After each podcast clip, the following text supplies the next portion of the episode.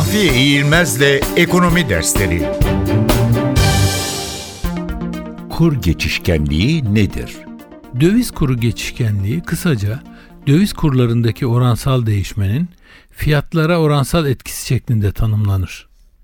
İthal edilen mal ve hizmetlerin fiyatlarında ortaya çıkan örneğin %1 oranındaki bir artışın yurt içi fiyatlara hangi oranda yansıdığının ölçülmesi bize döviz kuru geçişkenliğini verir.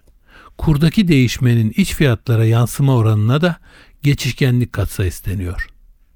Türk lirası dolara karşı %10 oranında değer yitirdiği zaman bunun içerideki fiyatlara %6 oranında yansıması halinde geçişkenlik katsayısı 0.6 olarak karşımıza çıkar. Yapılan araştırmalar döviz kurunda ortaya çıkan değişimin iç fiyatlara genellikle aynı oranda yansımadığını yani asimetrik bir değişim görüldüğünü ortaya koyuyor. Yüksek enflasyon ortamında firmalar döviz kurundaki değişimleri daha kolay yansıtabilirken düşük enflasyon ortamında bunu daha ölçülü yapabiliyorlar.